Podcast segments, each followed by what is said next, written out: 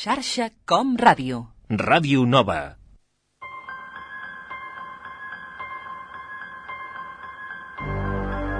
Coses que es mouen soles, veus del més enllà, aparicions, vampirs, profecies, bruixeria, ovnis... Hi ha un món misteriós per descobrir.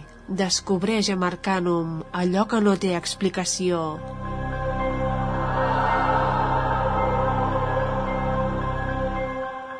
Arcanum, divendres de 8 a 9 del vespre al 107.7 FM Ràdio Nova.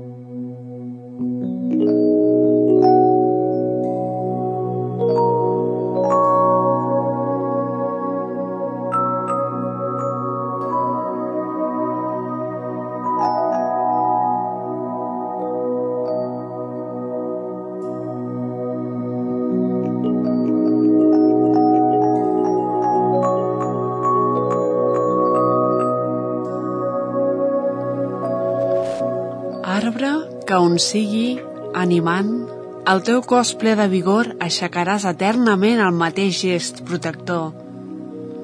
Fes que a través de tot estat, infància, bellesa, plaer, dolor, aixequi la meva ànima un invariat i universal gest d'amor.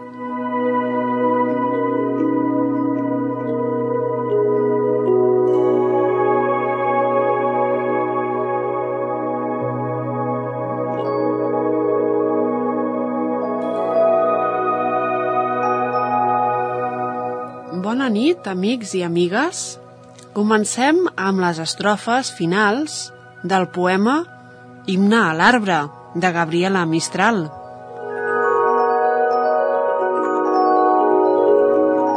Avui ampliarem el tema de la màgia dels arbres que vam començar a tractar en un programa anterior. En el programa d'avui coneixerem més les característiques màgiques de cada arbre. També parlarem de correspondències, de llegendes, mitologia, rituals i remeis naturals, tradicions que es mantenen avui dia. Els rituals i els remeis dels que parlarem avui poden funcionar o no, però és ben cert que els arbres tenen propietats curatives, gràcies a les quals existeixen molts medicaments per cuidar la nostra salut.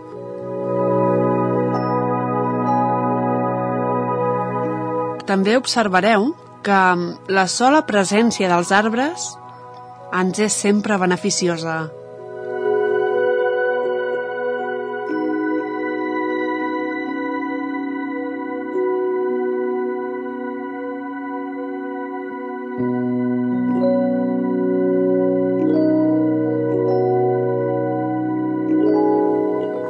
Comencem a parlar del bedoll. És un arbre de protecció. Sobretot protegeix d'encantaments i dels llamps. Se'l relaciona amb el déu Thor i a Roma se'l relacionava amb el déu Mercuri. A Roma les seves branques precedien els líders per aclarir el seu camí. Simbolitza la primavera i el renaixement. Els europeus utilitzaven les branques per vigilar les fronteres. També servia per allunyar els mals esperits.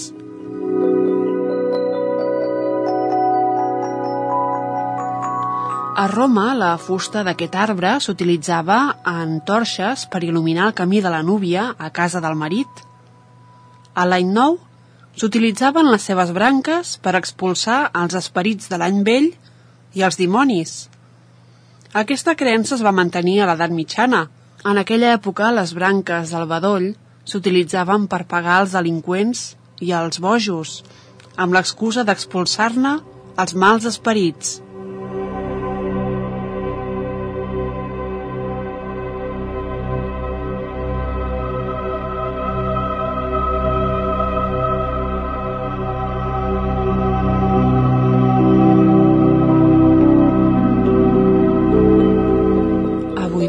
El bedoll en flor és un símbol de la deessa per als pagans. S'utilitza la fusta de bedoll per fabricar pals d'escombra per les bruixes modernes i escombrar les males energies. També s'utilitza per elaborar encens per la protecció,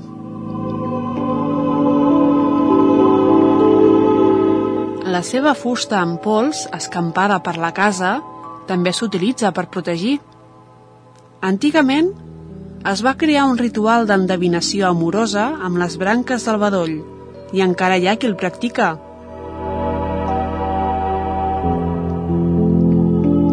Una dona, si vol saber com serà el futur marit, lligarà les seves mitges amb un fil blanc a una branca de bedoll i la posarà a sota del coixí. Abans d'anar a dormir, es fregarà les temples amb oli de llavors de rosella, que el podem aconseguir deixant les llavors 9 dies en oli d'oliva.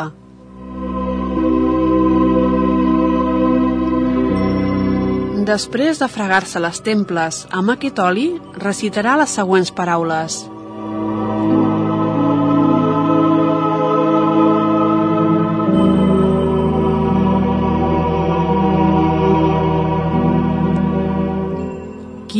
clementissime, qui Abraham servo tuo dedisti uxorem Saram, et filio eius obedientissimo per admirabile signum. Indicaste Rebeca muxorem, indica mihi, anquilae tuae, quem sim nuptura virum per ministerium tuorum spiritum validez, aisiavi abrumalit. Amen.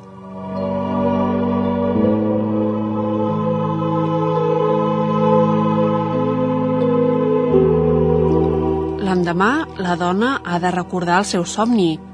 Si en aquest somni no ha aparegut cap home ni cap símbol fàl·lic, caldrà repetir el ritual tres nits de divendres seguits. Si no apareix cap somni revelador, no hi haurà casament. També poden fer aquest ritual les dones divorciades i les vídues, però posant el coixí als seus peus.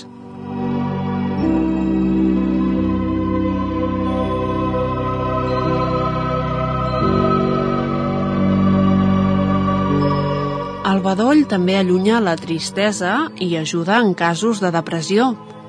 L'escorça feta pols es pot portar amb bossetes per allunyar les penes i les fulles es poden posar als bressols per protegir els infants.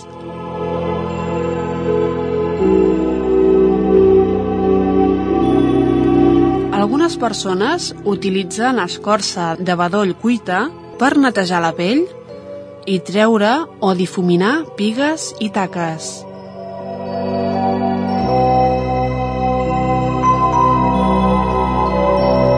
Veure el bedoll en somnis ens indica que tindrem bona sort.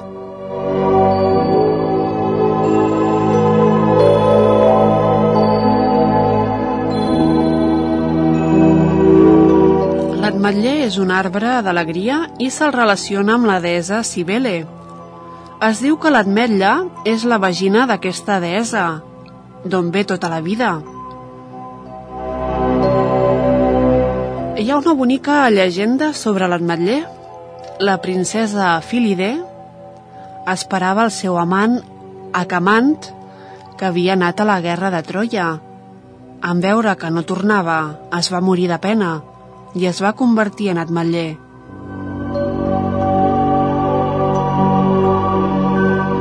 Va ser aleshores quan Acamant va tornar i no va poder fer altra cosa que abraçar-se al tronc. L'arbre, emocionat, va començar a treure flors en comptes de fulles.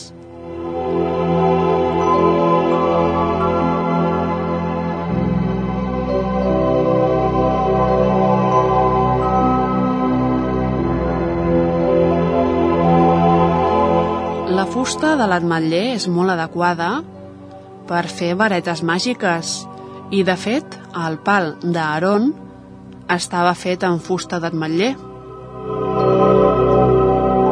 Hi ha un ritual que es va dissenyar per als homes que desitgen tenir una relació llarga. Han de tallar amb les mans una branca d'ametller i portar-ne sobre un petit fragment durant tota una lluna, és a dir, 28 dies. Després, ha de tocar la persona estimada amb aquest fragment. Mentre aquest tros de fusta estigui desat en una capseta de plata, la relació durarà.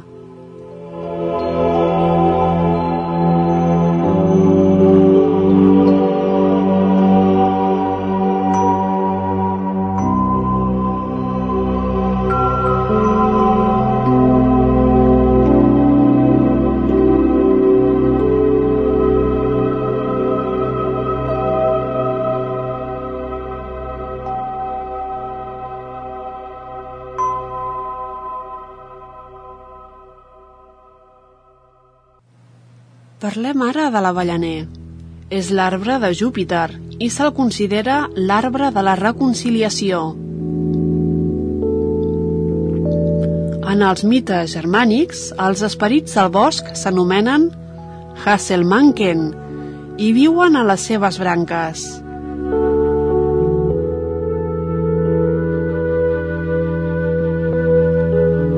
Per als celtes, l'avellana és el símbol de la saviesa concentrada, dolça, compacta i nutritiva. Això sí, amagada en una dura closca.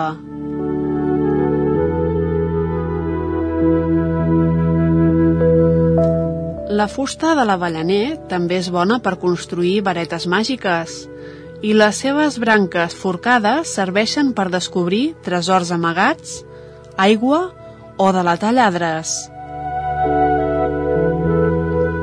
Aquest arbre també allunya tempestes i protegeix de llamps i de qualsevol mal relacionat amb l'electricitat.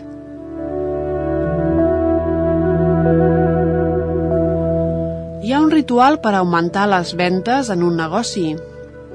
A l'aigua de fregar el terra li afegirem el líquid de set avellanes bullides amb la seva closca en un litre d'aigua, fins que es redueixi a la meitat. També podem utilitzar aquest remei per ajudar a una persona netejant-la amb aquest líquid.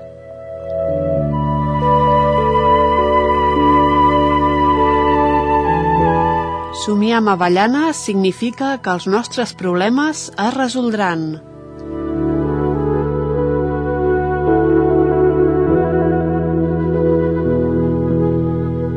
El castanyer és un arbre relacionat amb Júpiter, però també amb Saturn pel seu sentit funerari.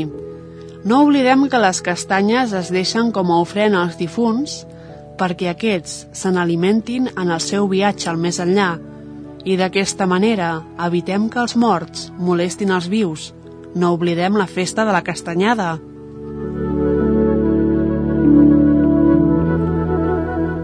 Castanyes a la butxaca s'ha utilitzat per atreure la bona sort i també per millorar casos d'hemorroides.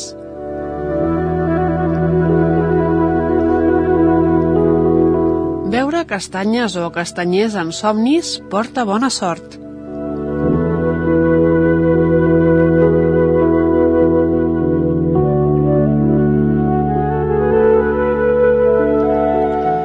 El cedre és un arbre protector, sobretot de la casa. Està dedicat al sol i a les eumènides. Tenir-lo a la porta de la casa protegeix molt, entre altres coses, dels llamps. Si no el podem tenir a l'entrada, podem utilitzar una branqueta, netejar-la bé i gravar-hi la nostra direcció completa. Aquesta branca la penjarem al balcó.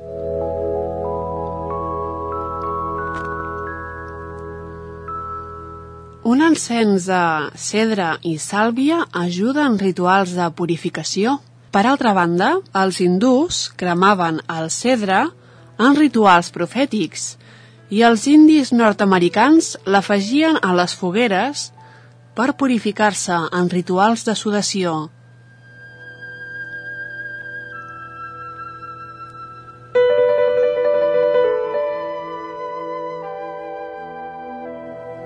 Es creu que portar una estella de cedre ajuda a tenir diners. Aquest arbre està relacionat amb la matista.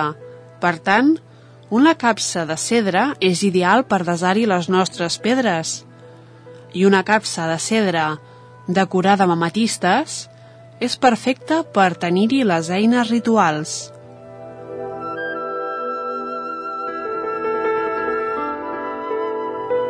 Fregar-nos les temples amb oli de cedre ajuda en el do de la profecia.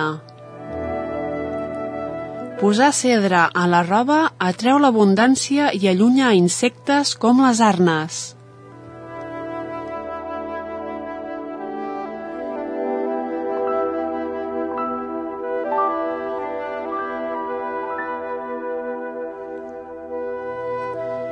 El cirerer és un arbre de Venus i simbolitza innocència. Cal evitar tenir aquest arbre tancat entre branes, perquè si no atreu a la tristesa.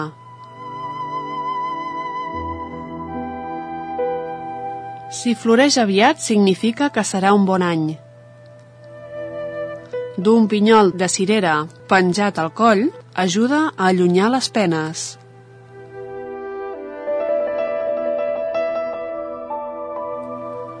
També per allunyar les penes hi ha el següent ritual.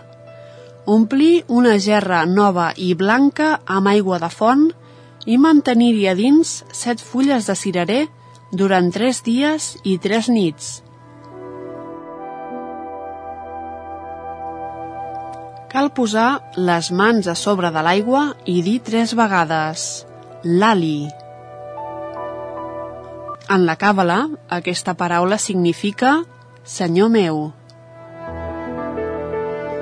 Mullarem un cotó en aquesta aigua i l'utilitzarem per fregar-nos la pell.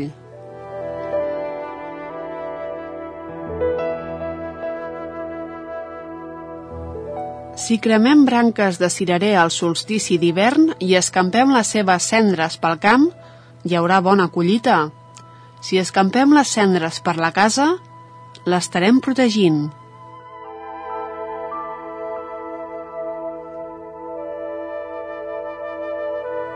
S'ha parlat molt de les cues de les cireres. Hi ha qui diu que són afrodisíaques i hi ha qui diu que generen conflictes en una relació.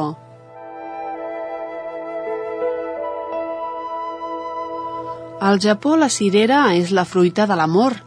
Per als antics romans la cirera era afrodisíaca.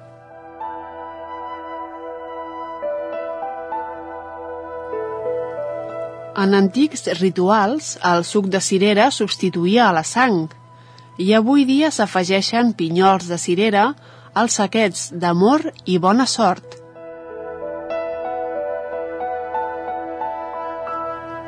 Somiar que recollim cireres significa que tenim problemes amb un amic. Somiar amb el cirerer indica ansietat per alguna cosa. I si somiem que mengem cireres, allò que volem ho aconseguirem.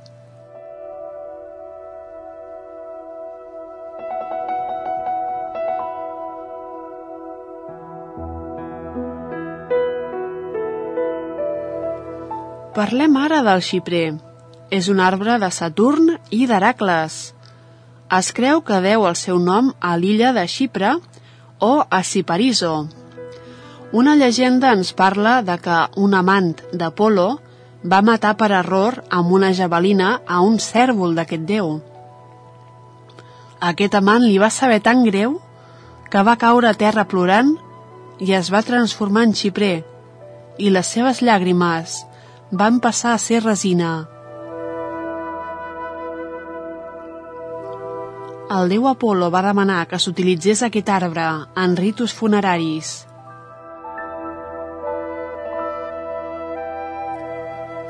Aquest mateix arbre també està dedicat a Hades, déu de l'infern, pel seu vincle amb la mort i també perquè rebrota quan se li talla un tronc.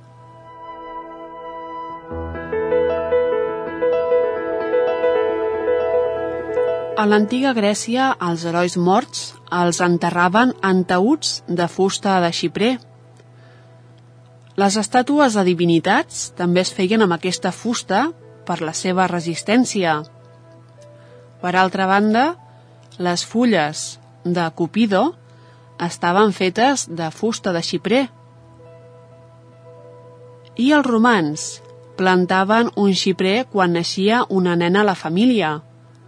D'aquesta manera estaven demanant un marit per ella, ja que es considerava el xiprer com un símbol fàl·lic.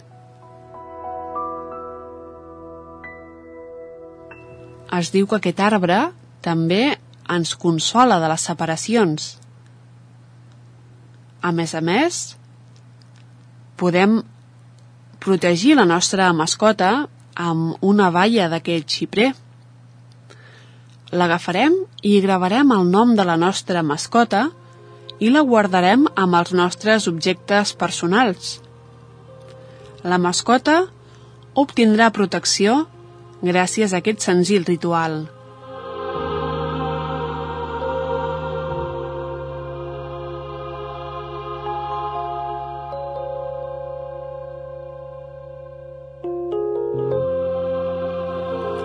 Els musulmans planten xiprers al cementiri perquè són com dits, demanant silenci.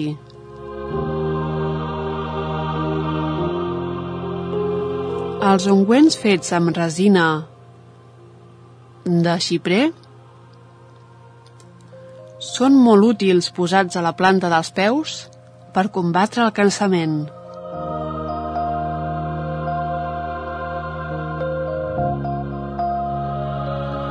Veure el xiprer en somnis és un mal auguri.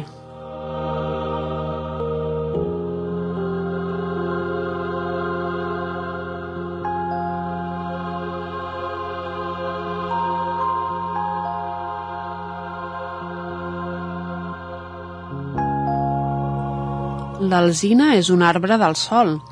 Les seves nimfes s'anomenen dríades. Sota aquest arbre es va criar el déu Zeus.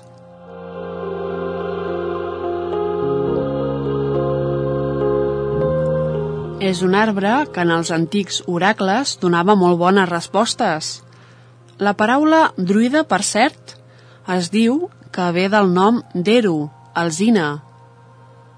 Els celtes relacionaven aquest arbre amb el déu d'Agda, que obre el llindar entre allò inferior i superior a cops de destral de fusta d'alzina.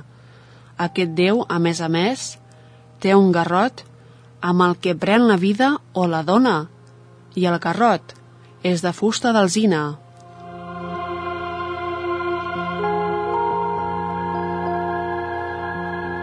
Al voltant d'aquest arbre, les antigues tribus es reunien per prendre importants decisions.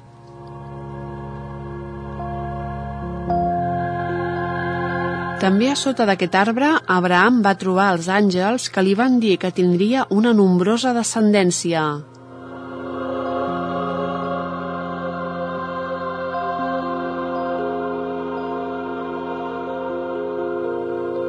Es tracta d'un arbre que també s'utilitza en ritus funeraris. Hi ha un ritual per guanyar un judici. Es redueixen a pols cinc glans crus i es llencen a l'entrada del tribunal.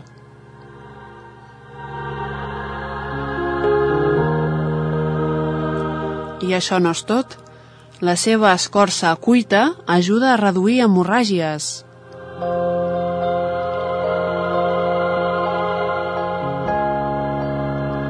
Les seves fulles, atrevessades per agulles de plata i desades a la nostra bossa personal, protegeixen d'accidents.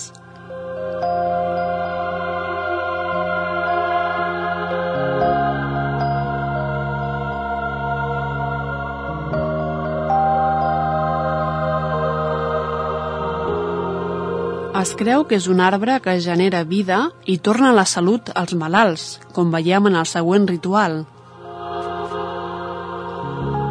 Es fa un tall profund al tronc i es donen tres vegades nou voltes al voltant de l'arbre. Es diu que la persona que ho fa es cura i en el seu lloc l'arbre emmalalteix. No oblidem que al marxar no s'ha de mirar enrere.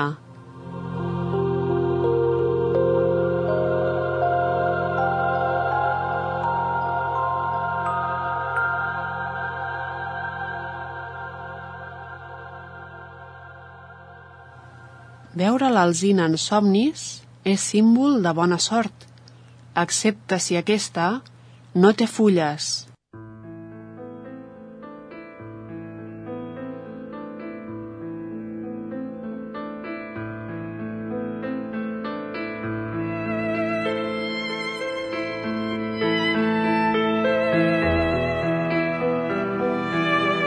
El freixa és un arbre de Júpiter, és símbol d'obediència i els pagans l'adoraven.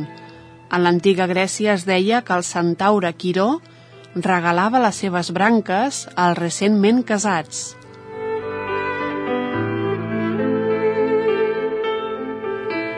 L'entrada de la casa d'Heracles, a Ítaca, estava feta amb fusta de freixa.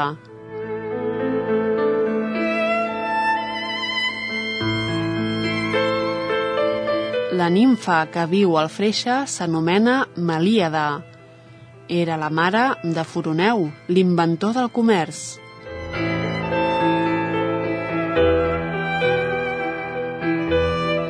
Aquest arbre protegeix de llamps i la seva fusta és ideal per fabricar estaques contra els vampirs.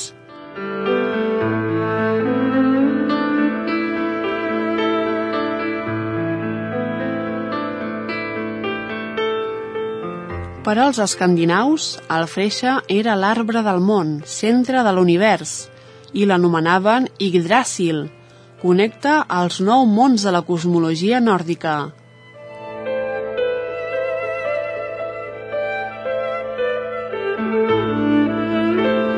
Sota les seves branques viu tot el panteó nòrdic.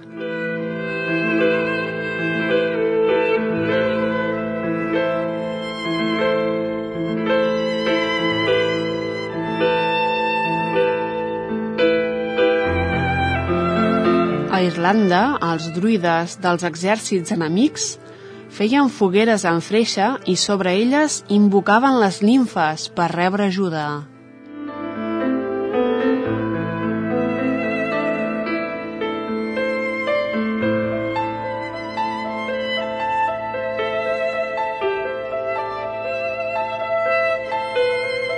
Es creu que el freixa allunya les serps, i la seva fusta s'ha utilitzat molt en rituals d'endevinació i també per construir varetes de radiestèsia.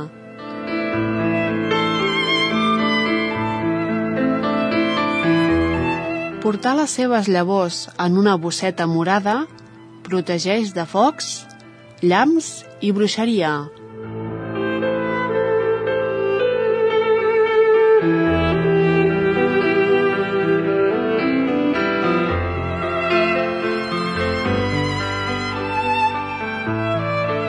L'escombra de les bruixes és normalment feta de freixa, bedoll i salsa.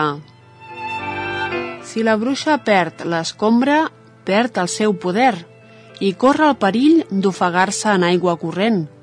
D'aquí ve la creença de que la fusta del freixa protegeix de morir ofegat.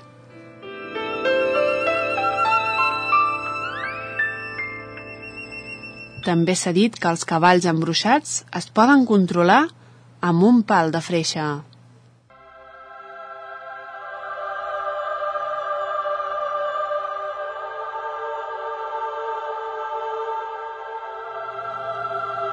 El faig és un arbre de Saturn i de Júpiter. Dóna grandesa i prosperitat. En rituals de Saturn es crema la tija i serveix per fabricar encens. Es diu que les oracions a sota d'aquest arbre van directes al cel.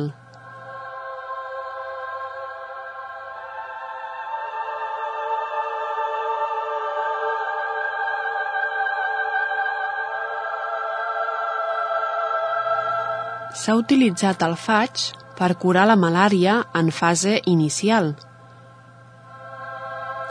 Al segle XIX s'escrivia a damunt de l'escorça la paraula raix, R-A-A-S-C-H,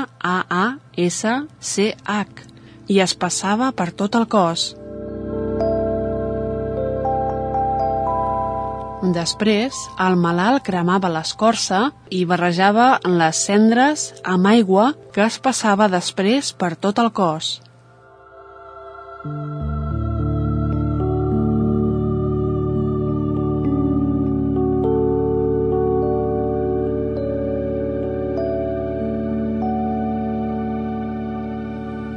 La falguera mascle és un arbre d'harmonia i d'amor Habita malsons i llamps, cura malalts, sobretot els depressius.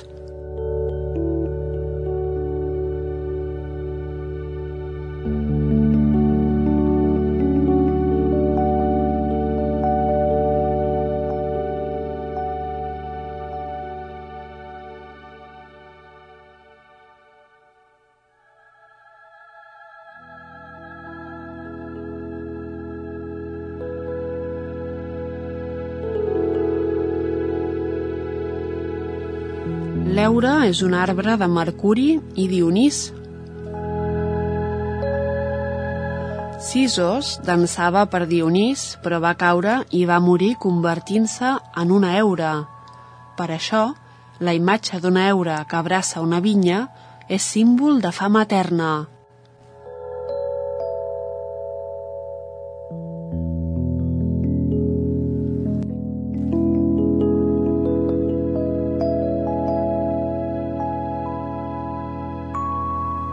Aquest és un arbre d'amor i d'amistat. Els romans, al maig, en les festes de Mercuri, per protegir les cases i els comerços de lladres i mentiders, les esquitxaven amb l'aigua que sortia d'una branca d'eure mullada.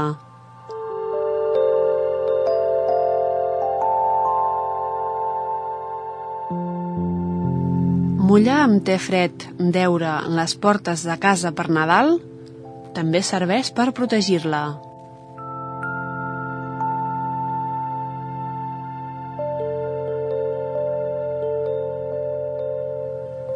Per aconseguir que un amant confiï en nosaltres, tenim el següent ritual –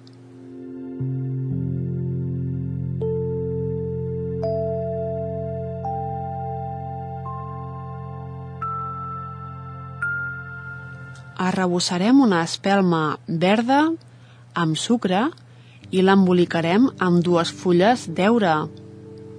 Una nit de lluna plena, mirant un vas d'aigua de font, ens concentrarem en el nostre desig i encendrem aquesta espelma deixant que es consumeixi sola totalment. Veurem tres globs d'aigua i ens concentrarem molt bé en allò que busquem. Segons diuen algunes persones que han provat aquest ritual, la seva parella confia molt més en elles.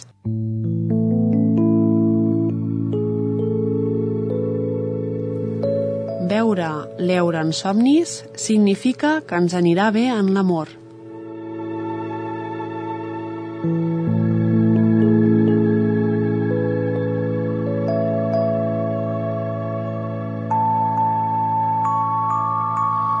La figuera és un arbre de Saturn.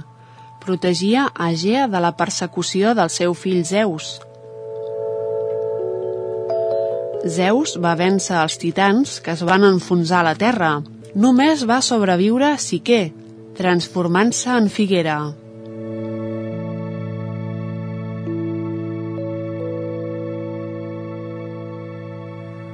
La deessa Ceres va regalar la figuera al poble d'Àtica, on es va refugiar després del rapte de la seva filla Proserpina.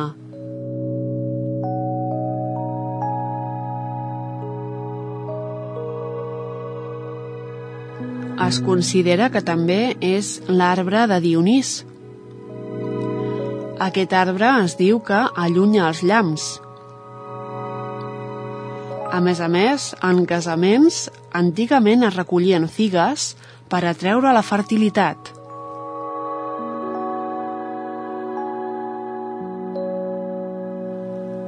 La lloba que va alletar a Ròmul i a Rem ho va fer a sota d'una figuera.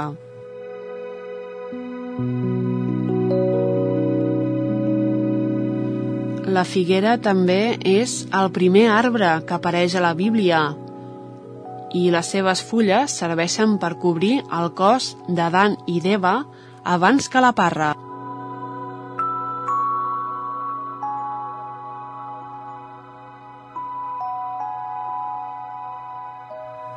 A la Índia, la figuera és l'arbre del déu Vishnu,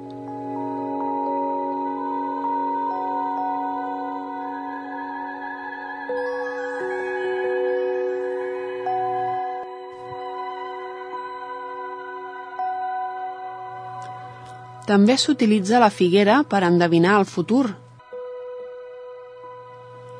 S'escriu una pregunta a una fulla de figuera. Si no s'asseca al moment, la resposta és negativa. A l'Àfrica mai es poda la figuera per por a perdre la fertilitat. De fet, sempre s'ha relacionat a la figuera amb la fertilitat en diferents cultures – i en somnis, veure una figa és símbol de fertilitat. Si està seca, però, tindrem motius de preocupació.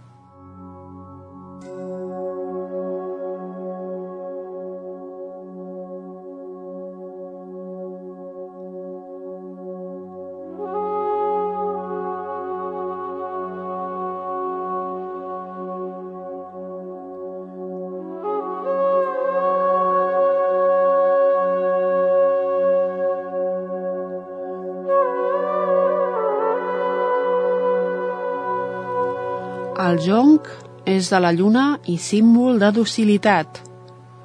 El renaixement d'Osiris es representa amb un jonc.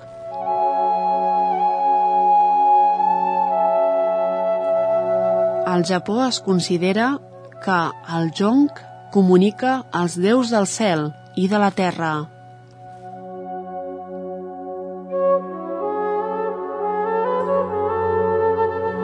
La mitologia grega, el déu Pan perseguia a la nimfa Siringe.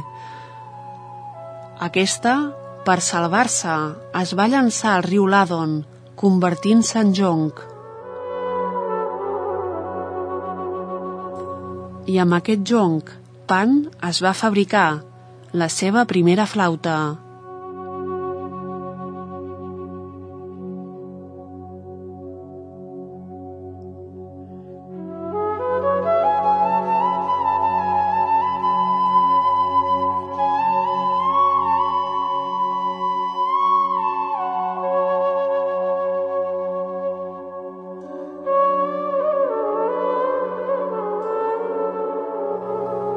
En somnis, el jonc simbolitza falta de compromís i que no som gaire constants, sigui quin sigui el nostre propòsit.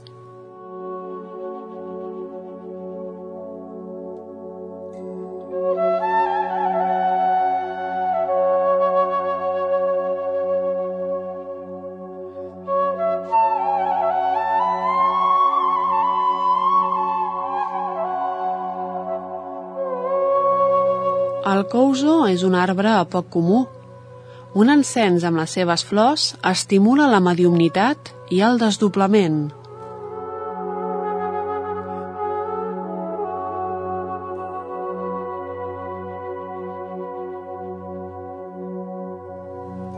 El llorer cirerer a Astúries, per protegir, es crema davant de la casa quan trona,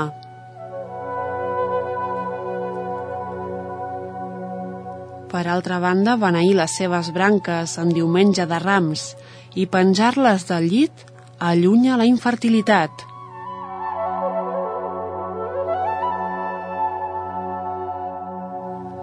En ser verinós, aquest arbre també s'ha utilitzat en màgia negra.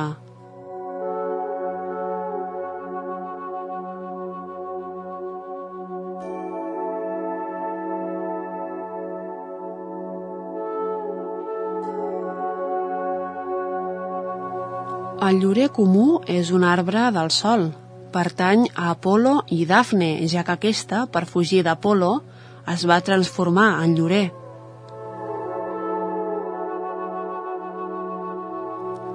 Aquest és un arbre de triomf i d'endevinació. A l'oracle de Delfos, les síbil·les podien endivinar el futur mastegant fulles de llorer. Avui dia es diu que mastegar les fulles del llorer protegeix dels llamps. El llorer és molt útil en amulets, així que utilitzar les seves fulles per demanar desitjos o per atreure les victòries és molt aconsellable.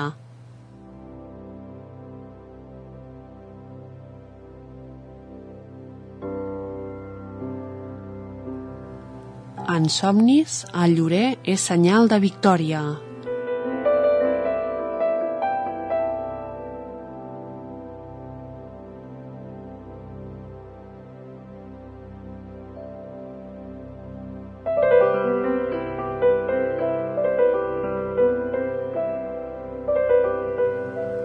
El llimoner és un arbre de la lluna, és un arbre d'alegria.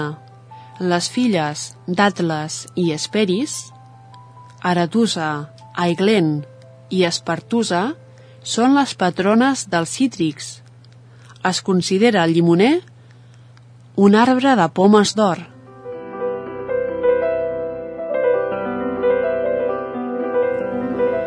A Suècia es planta a prop de la casa com a protecció i per respecte mai li extreuen cap fruit ni cap fulla.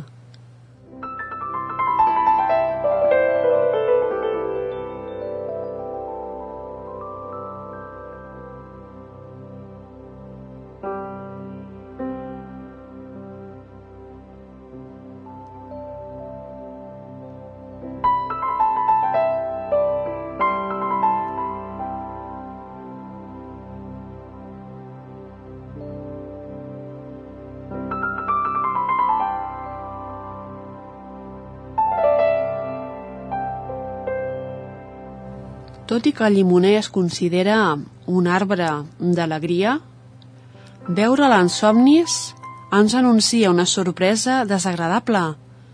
Així que hem d'estar sempre a la guait del que pugui passar si aquest arbre apareix en somnis.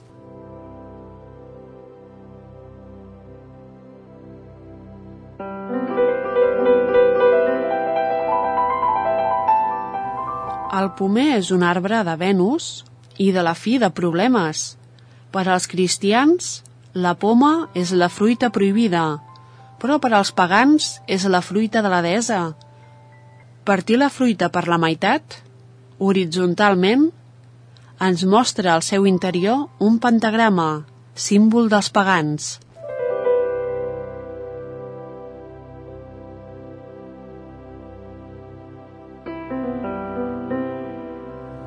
Hi ha un ritual d'amor bastant conegut que es fa amb la poma. Foradem aquesta poma i li traiem el cor. I a dins li posem un paper escrit amb tinta verda on apareixerà el nom complet de la persona estimada, el nostre nom i al darrere els cognoms de la primera persona. Recordar que ho hem d'escriure amb tinta verda. Taparem el forat d'aquesta poma amb la part que hem extret abans i deixarem que aquesta poma s'assequi del tot a l'aire lliure. Després, un cop seca, l'embolicarem amb paper de seda verd i la desarem a la nostra habitació.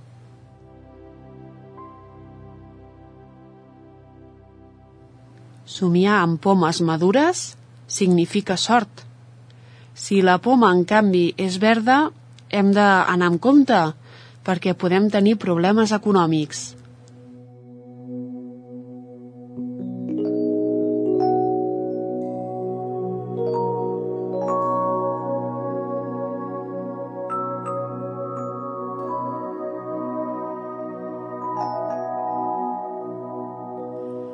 Parlem ara del roure. Plini anomenava els druides homes roure. De fet, s'ha parlat molt d'on ve la paraula druida, com hem vist abans. Hi ha qui creu que ve de dru, força i vit, saviesa, i precisament el roure se'l relaciona amb la força i la saviesa.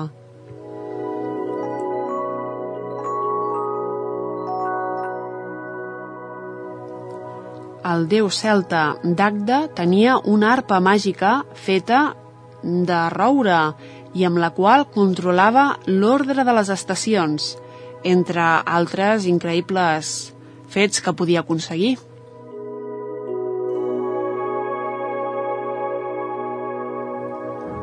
En el cristianisme, la imatge d'un roure caigut fa referència a Sant Bonifàs de Magúncia, que va fer tallar un arbre consagrat a Thor, que era, com no, un roure.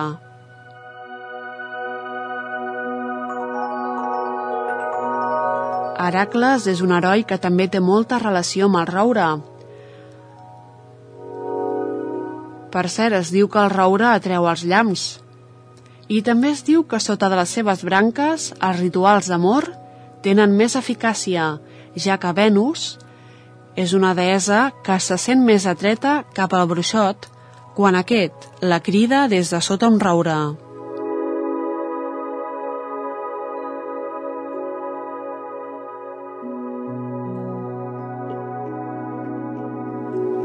Sòcrates jurava pel roure.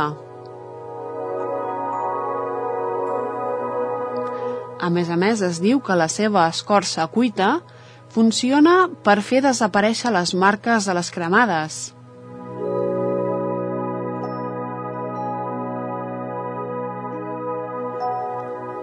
Es creu que tallar un roure o ferir-lo de qualsevol manera porta la desgràcia.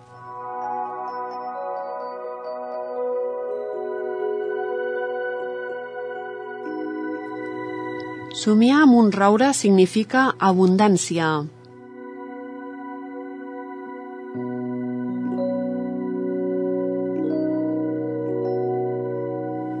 Tot i així, en el cas de que en el somni apareixi sec, és mala senyal.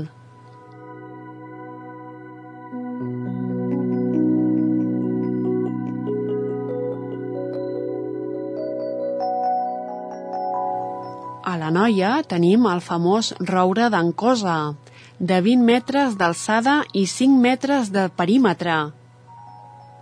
Va ser declarat arbre monumental per la Generalitat l'any 1990. Pel mig del seu tronc és tradicional passar-hi malalts i nadons, ja que es creu que aquest sorprenent arbre absorbeix els mals i transmet el seu vigor a qui ho necessiti. Un altre roure sorprenent que hem d'anomenar és el Major Oak, del bosc de Sherwood, i que apareix a la llegenda de Robin Hood. Aquest roure és un autèntic santuari, un lloc de peregrinatge per molta gent de molts llocs del món.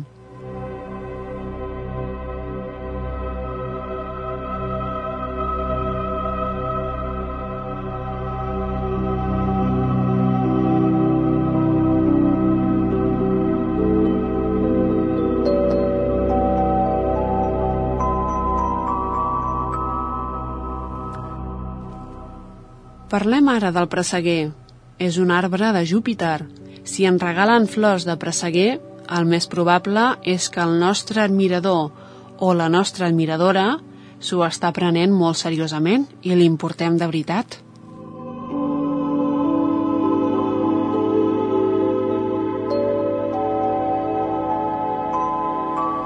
A la Xina, el presseguer és l'arbre de la immortalitat i al Japó, el déu Momotaro va néixer d'un préssec gegant.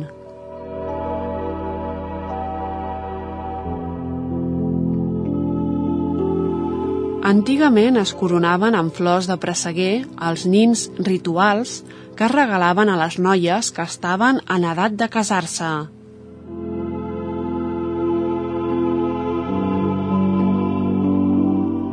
Veure en somnis el presseguer ens indica bona sort i una bona vida sexual.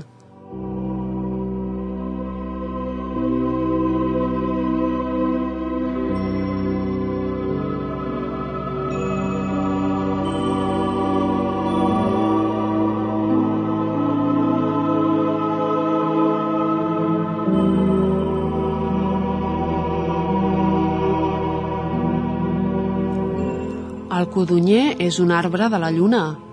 Es considera que és l'arbre de la temptació i els seus fruits estan dedicats a la deessa Hera. Antigament es tenia a casa una safata plena de codonys perquè es creia que atreien la fertilitat. A Grècia es creia que donar-li de menjar codony a una noia abans del seu casament li portaria bona sort.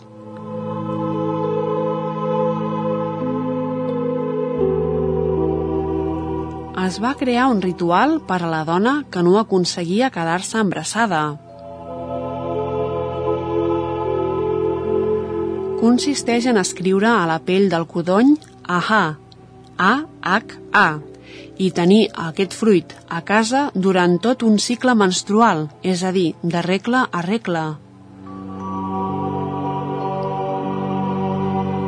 Després s'enterrava en una torreta i es regava amb la pròpia orina durant tres dies.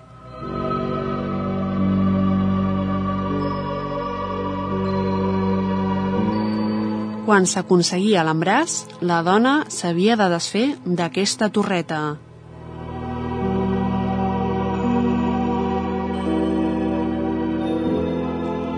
Sempre s'ha dit que tenir codony a l'armari allunya insectes i porta bona sort.